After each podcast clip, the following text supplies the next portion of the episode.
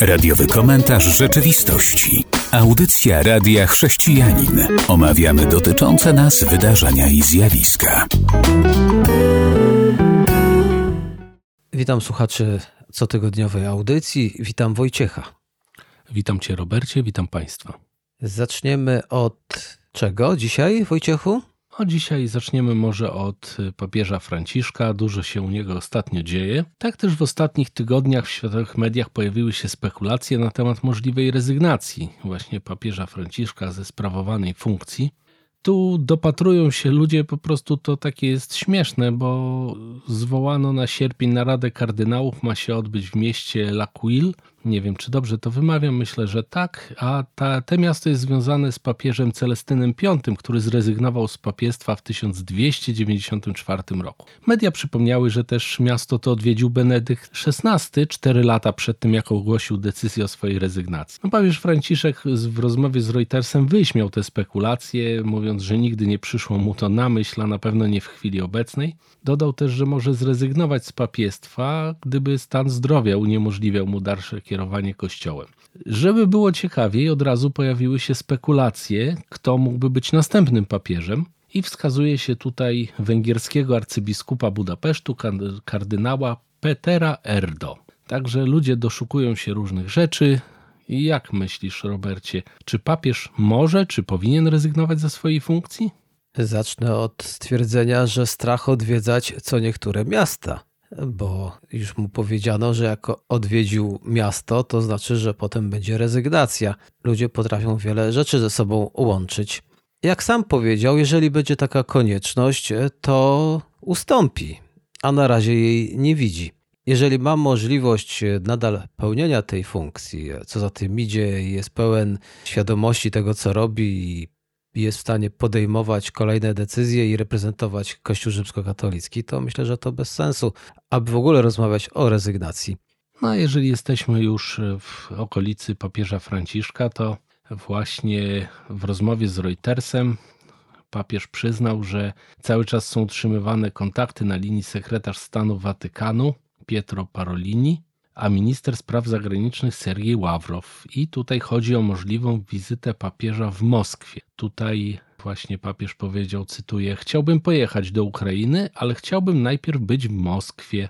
I tu właśnie e, papież sugeruje, że chciałby właśnie być takim mediatorem między tymi krajami. Natomiast władze Ukrainy ponowiły zaproszenie, żeby papież odwiedził tenże kraj, zobaczył, jak ludzie doświadczają cierpień z powodu agresji Rosji. Natomiast y, Rosja, jak się okazuje, ignoruje gotowość papieża do odwiedzin tego kraju i raczej no, wskazuje na to, jak twierdzą tutaj przedstawiciele Ukrainy, że to świadczy cały czas o tym, że chcą wojny, a nie pokoju.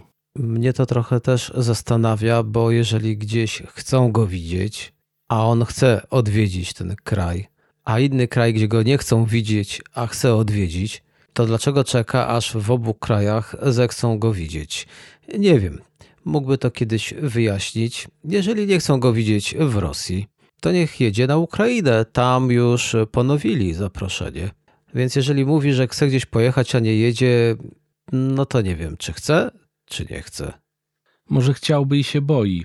A jeżeli już jesteśmy przy Ukrainie, to bardzo ciekawa wiadomość. W Soborze Mądrości Bożej w Kijowie odbyło się spotkanie duchownych ukraińskiej cerkwi prawosławnej Patriarchatu Moskiewskiego i cerkwi prawosławnej Ukrainy.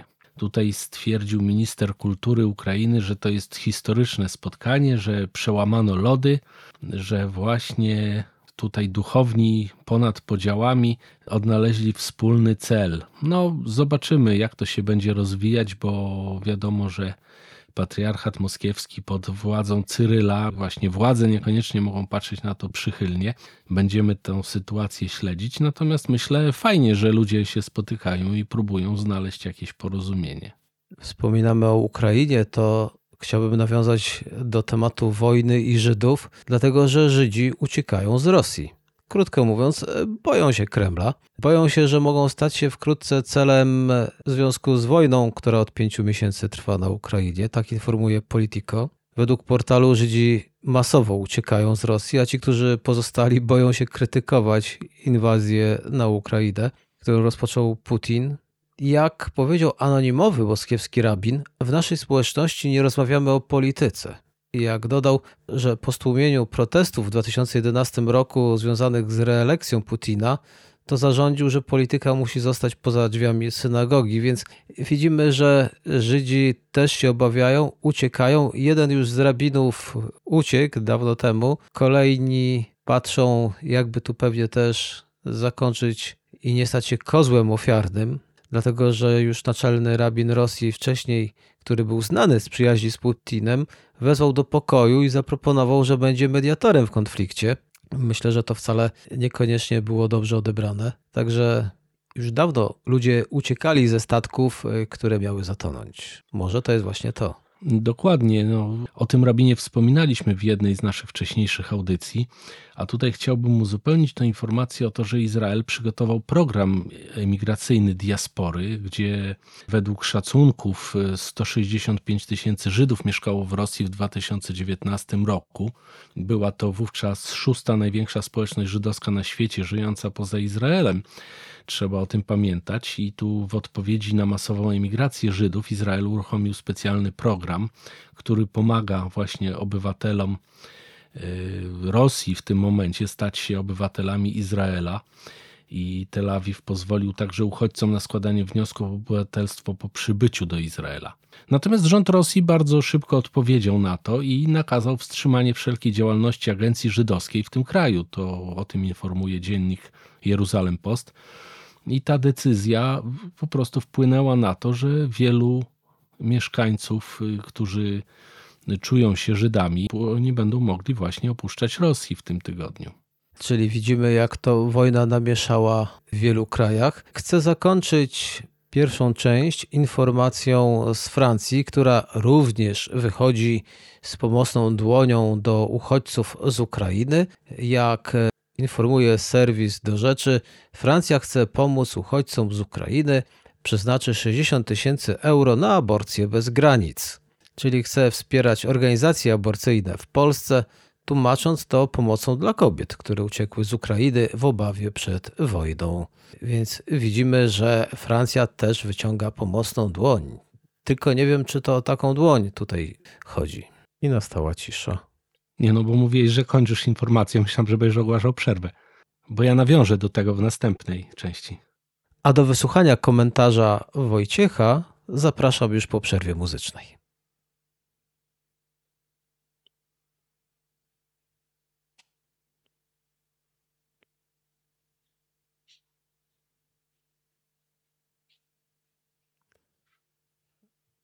Wysłuchaliśmy utwór muzyczny, a teraz, tak jak zapowiedziałem, Wojciech i jego komentarz do informacji o tym, jak to Francja chce pomóc Ukrainie, a dokładnie kobietom z Ukrainy.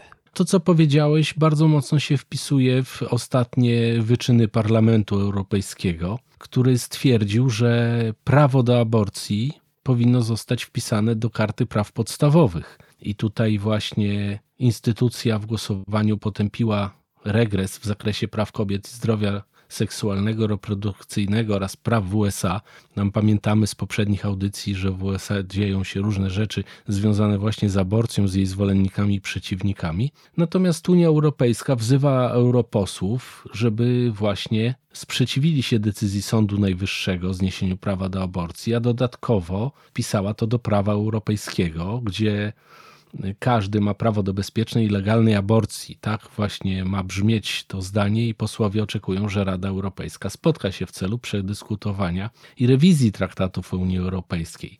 I co jest y, ciekawe i trochę przerażające, została ona przyjęta przez 324 posłów za, 150 przeciw i 38 wstrzymujących się od głosu. Zaczyna się ciekawie, w cudzysłowie oczywiście ciekawie. W tym temacie to tylko wspomnę, że już sobie pewien serwis zadaje pytanie, i myślę, że to uzasadnione są obawy, czy osoby o poglądach pro-life dostaną zakaz wstępu do Parlamentu Europejskiego. Chodzi o to, że chcą cofnąć akredytację radykalnie konserwatywnym lobbystom antyaborcyjnym z siedziby Parlamentu Europejskiego. Tak to się pojawiło w pewnym liście. No tak, tylko czy to nie jest y, w jakimś sensie złamanie demokracji? Jeżeli Unia twierdzi, że jest demokratyczna, to myślę, że każdy ma prawo chyba się wypowiedzieć, tak? Więc zwolennicy pro-life też chyba mają prawo głosu. Jak można zakazać wstępu do parlamentu? Jak widać, nie wszyscy mają prawo głosu.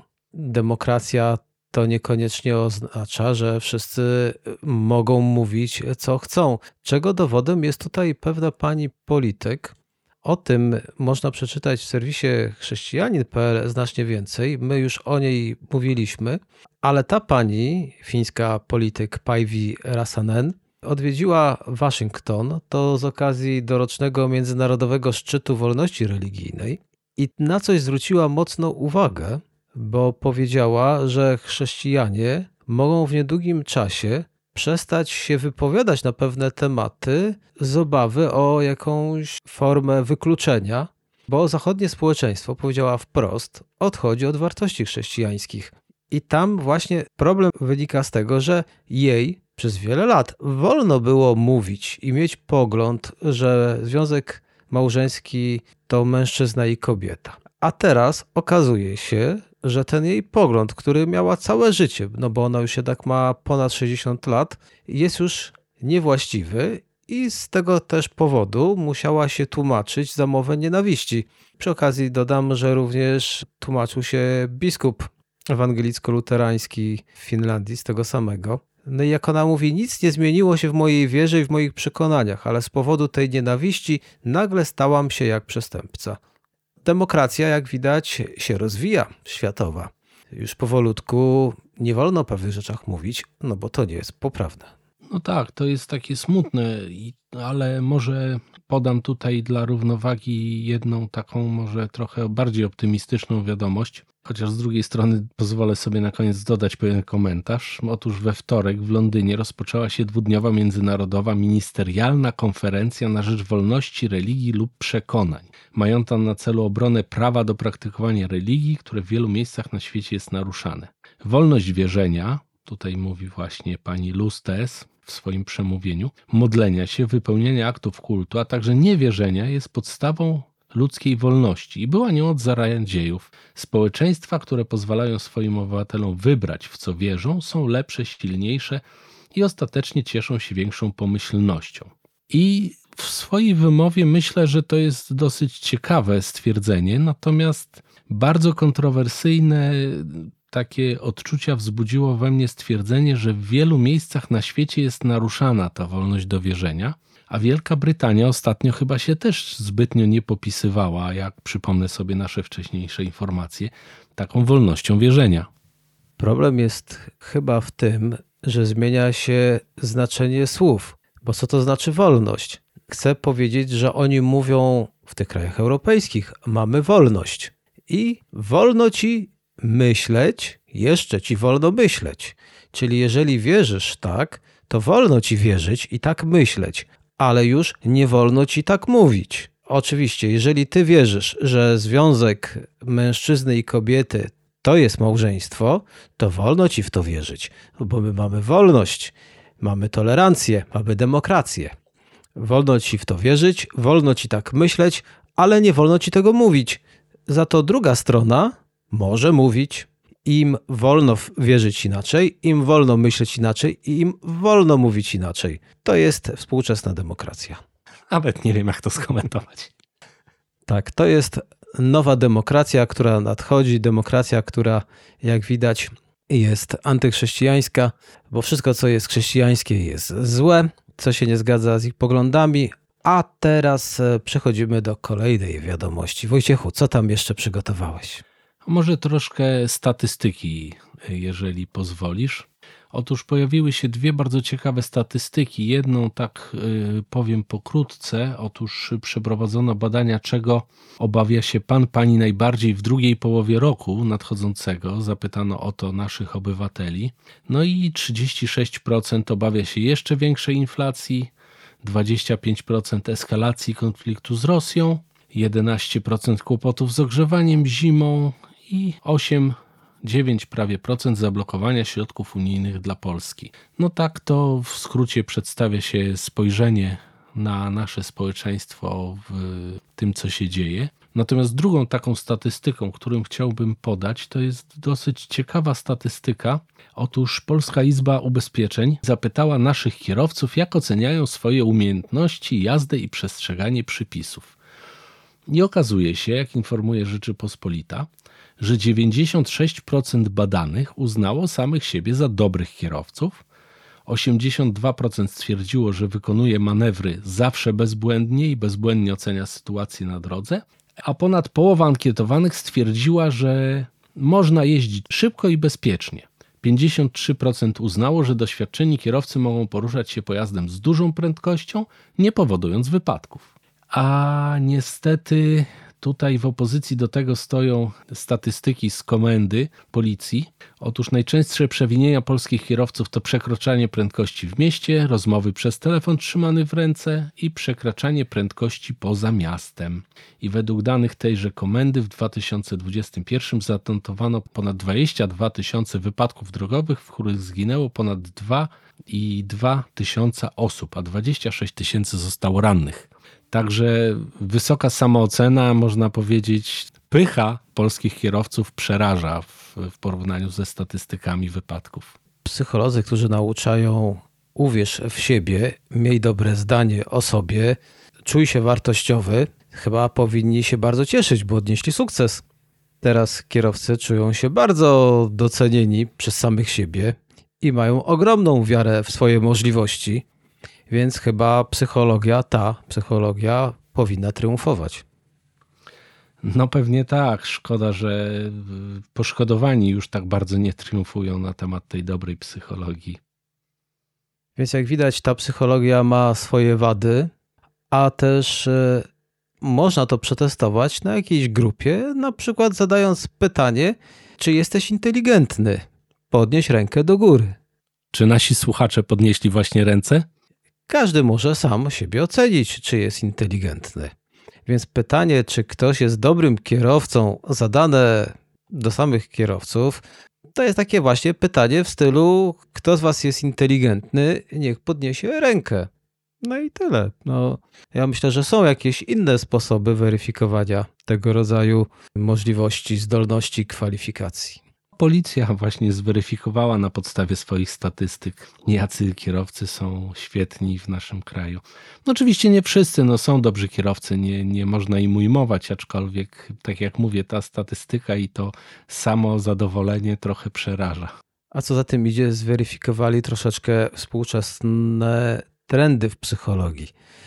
Jeżeli jesteśmy już przy różnych ankietach, to chciałbym wspomnieć o tym, że zbadano religijność Polaków, no i wyniki wskazują na pewien trend. Ten trend to powolny spadek poziomu wiary religijnej i szybszy spadek poziomu praktykowania, tak podaje Centrum Badania Opinii Społecznej CEBOS. Od marca 1992 roku do czerwca tego roku odsetek osób dorosłych określających się jako wierzące spadł z 94% do 84%, zaś praktykujących regularnie, tutaj zaznaczono, że raz w tygodniu lub częściej, z blisko 70% do niemal 42%. Jednocześnie wzrósł odsetek niepraktykujących z niespełna 9% do 19%. Więc widzimy wyraźny spadek poziomu religijności w naszym kraju. Miejmy nadzieję, że tutaj duchowni różnych kościołów będą badać te ankiety i wyciągać wnioski, no bo to się chyba nie dzieje samo z siebie, tak? Nie, nie chcę, żeby to brzmiało tutaj, że mówię, że to jest wina duchownych. Absolutnie nie. To każdy człowiek sam uważam odpowiada za siebie, aczkolwiek no, przed osobami pełniącymi takie funkcje chyba stoi taki, że tak powiem, priorytet, żeby tych ludzi zachęcać i próbować zebrać w kościele. Tutaj jeszcze dodali w podsumowaniu tej ankiety, że ludzie bardziej wykształceni są mniej religijni. Procentowo, dlatego że też bardzo wiele osób wykształconych i to bardzo wykształconych to są często bardzo pobożni i bogobojni ludzie. Ale takie ankiety, jeśli chodzi o procenty, wyglądają. Wojciechu, proszę. tutaj przygotowałem informację, która wiąże dwie ciekawe rzeczy. Otóż pamiętasz pewnie jakiś czas temu wybuchła w naszym kraju afera, że różne osoby były szpiegowane takimi programami jak Pegasus izraelskiej firmy NSO. Pamiętasz te zdarzenie? Tak. No właśnie, i tutaj firma Ape, o której też wspominaliśmy w poprzedniej części, że udostępniła Biblię na swoich y, telefonach. Otóż ta firma postanowiła też swoich klientów zabezpieczyć przed tego rodzaju oprogramowaniem. Może na początku nie w szerokim znaczeniu, ale właśnie tych ludzi najbardziej narażonych na tego typu działania. I w najbliższej jesiennej aktualizacji w tym programie ma się pojawić opcja, która się nazywa Lockdown Mode, a ma ona dać właśnie ekstremalny poziom bezpieczeństwa przed szpiegowaniem przez służby. I tutaj systemy firmy Apple są ogólnie dosyć bezpieczne, tak są oceniane przez wielu znawców tego tematu, a właśnie jeszcze, jeszcze firma postanowiła jeszcze bardziej zabezpieczyć swoich klientów. Myślę, że to jest fajna opcja i wszystkie firmy zechcą pójść tym tropem. Ja myślę, że bardzo często to tylko jest uspokajanie, dlatego że same firmy na pewno mają furtki i jeżeli dany rząd będzie chciał zajrzeć, co się dzieje u klientów, no to te firmy będą musiały udostępnić te furtki. Tak więc wciąż na pewno władza rządu istnieje, więc anonimowość może tak dla pewnej grupy, ale nie dla rządu.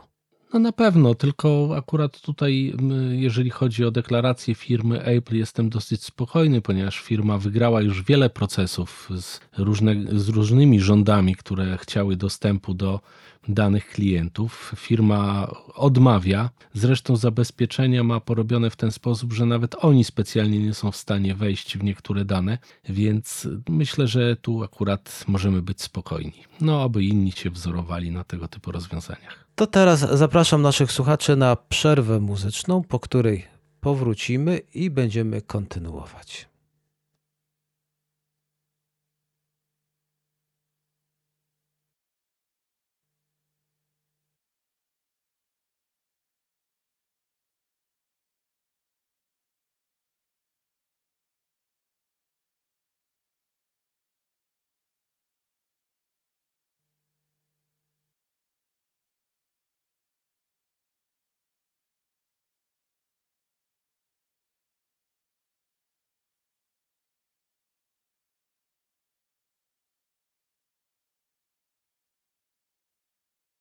Witam po przerwie muzycznej. Jesteśmy w ostatniej naszej części. To teraz może zajrzyjmy na chwilę do Niemiec.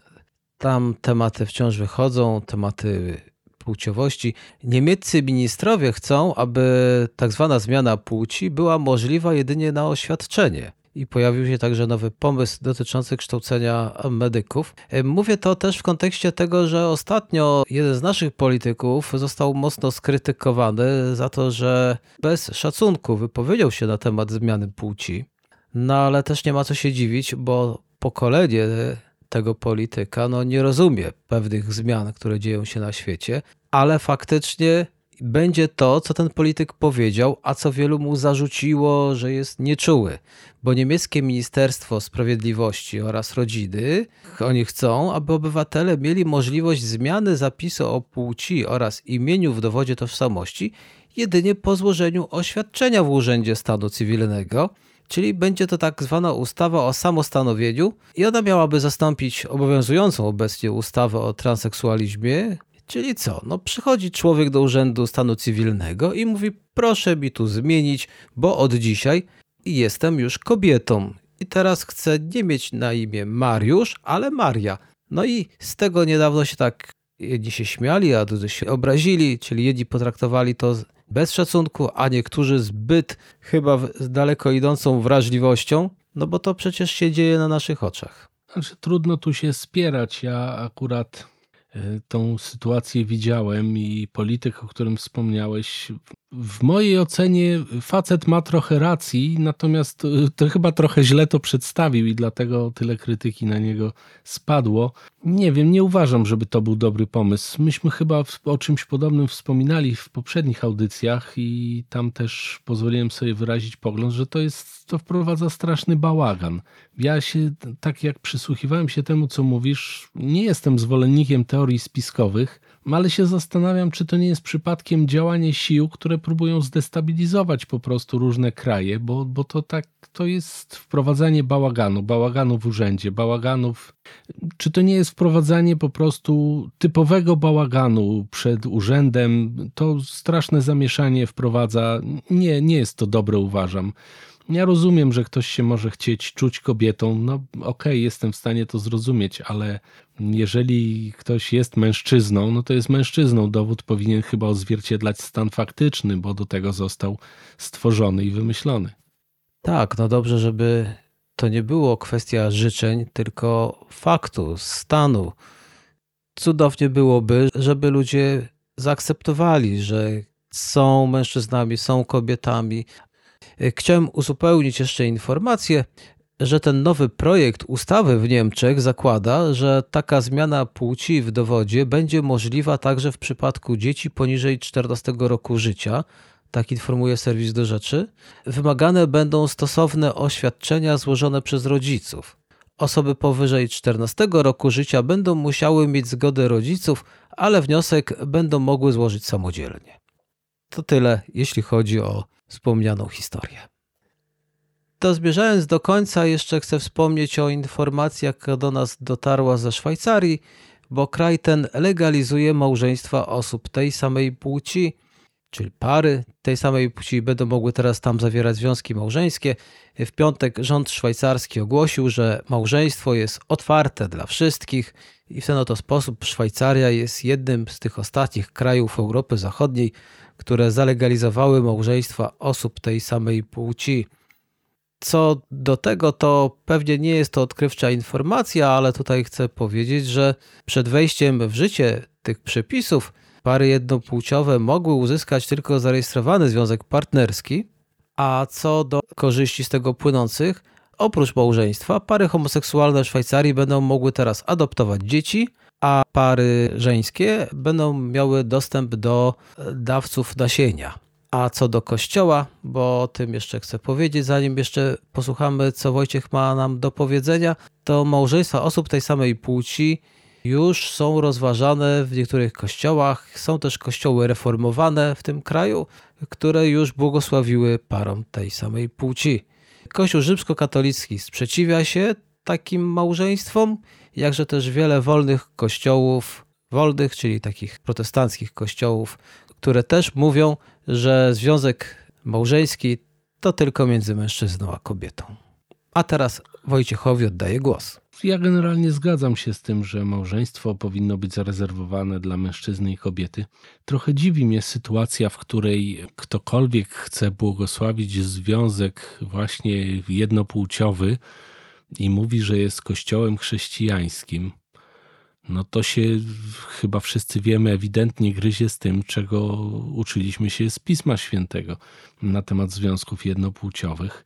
Trudno powiedzieć, jak te kościoły to zechcą umotywować. Myślę, że to jest chyba jakieś pomylenie pojęć i tu raczej to nie jest kwestia tego, że to kościół, tylko raczej przemawia za nimi jakiś pragmatyzm, tak? Chcą dobrze wypaść, chcą fajnie wyglądać, chcą być lubiani, a to chyba nie ten kierunek. To na chwilę i na sam koniec zajrzyjmy do kraju, który jest niedaleko Szwajcarii, do Szwecji. Wspominaliśmy, że szkoły w Szwecji, szkoły chrześcijańskie mogą przestać istnieć, no i wciąż temat tam jest na stole, jeśli można tak powiedzieć. Niedawno premier kraju, zorganizowała konferencję prasową, na której ponownie skrytykowała szkoły, które są prowadzone przez chrześcijan i chcą uderzyć w te szkoły, tak aby je zamknąć.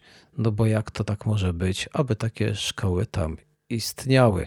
Szwedzi obawiają się jednak, że nie jest to ostatnia runda ograniczeń, które już są. jakie premier chce wprowadzić do szkół niezależnych. Według nich stało się to już oczywiste, że rząd chce zakazać istnienia wszystkim szkołom wyznaniowym, także tych, które już istnieją i tych, które miałyby powstać. Ale jest ciekawostka odnośnie tego tematu, że w parlamencie poparcie jest większe niż wola ludu.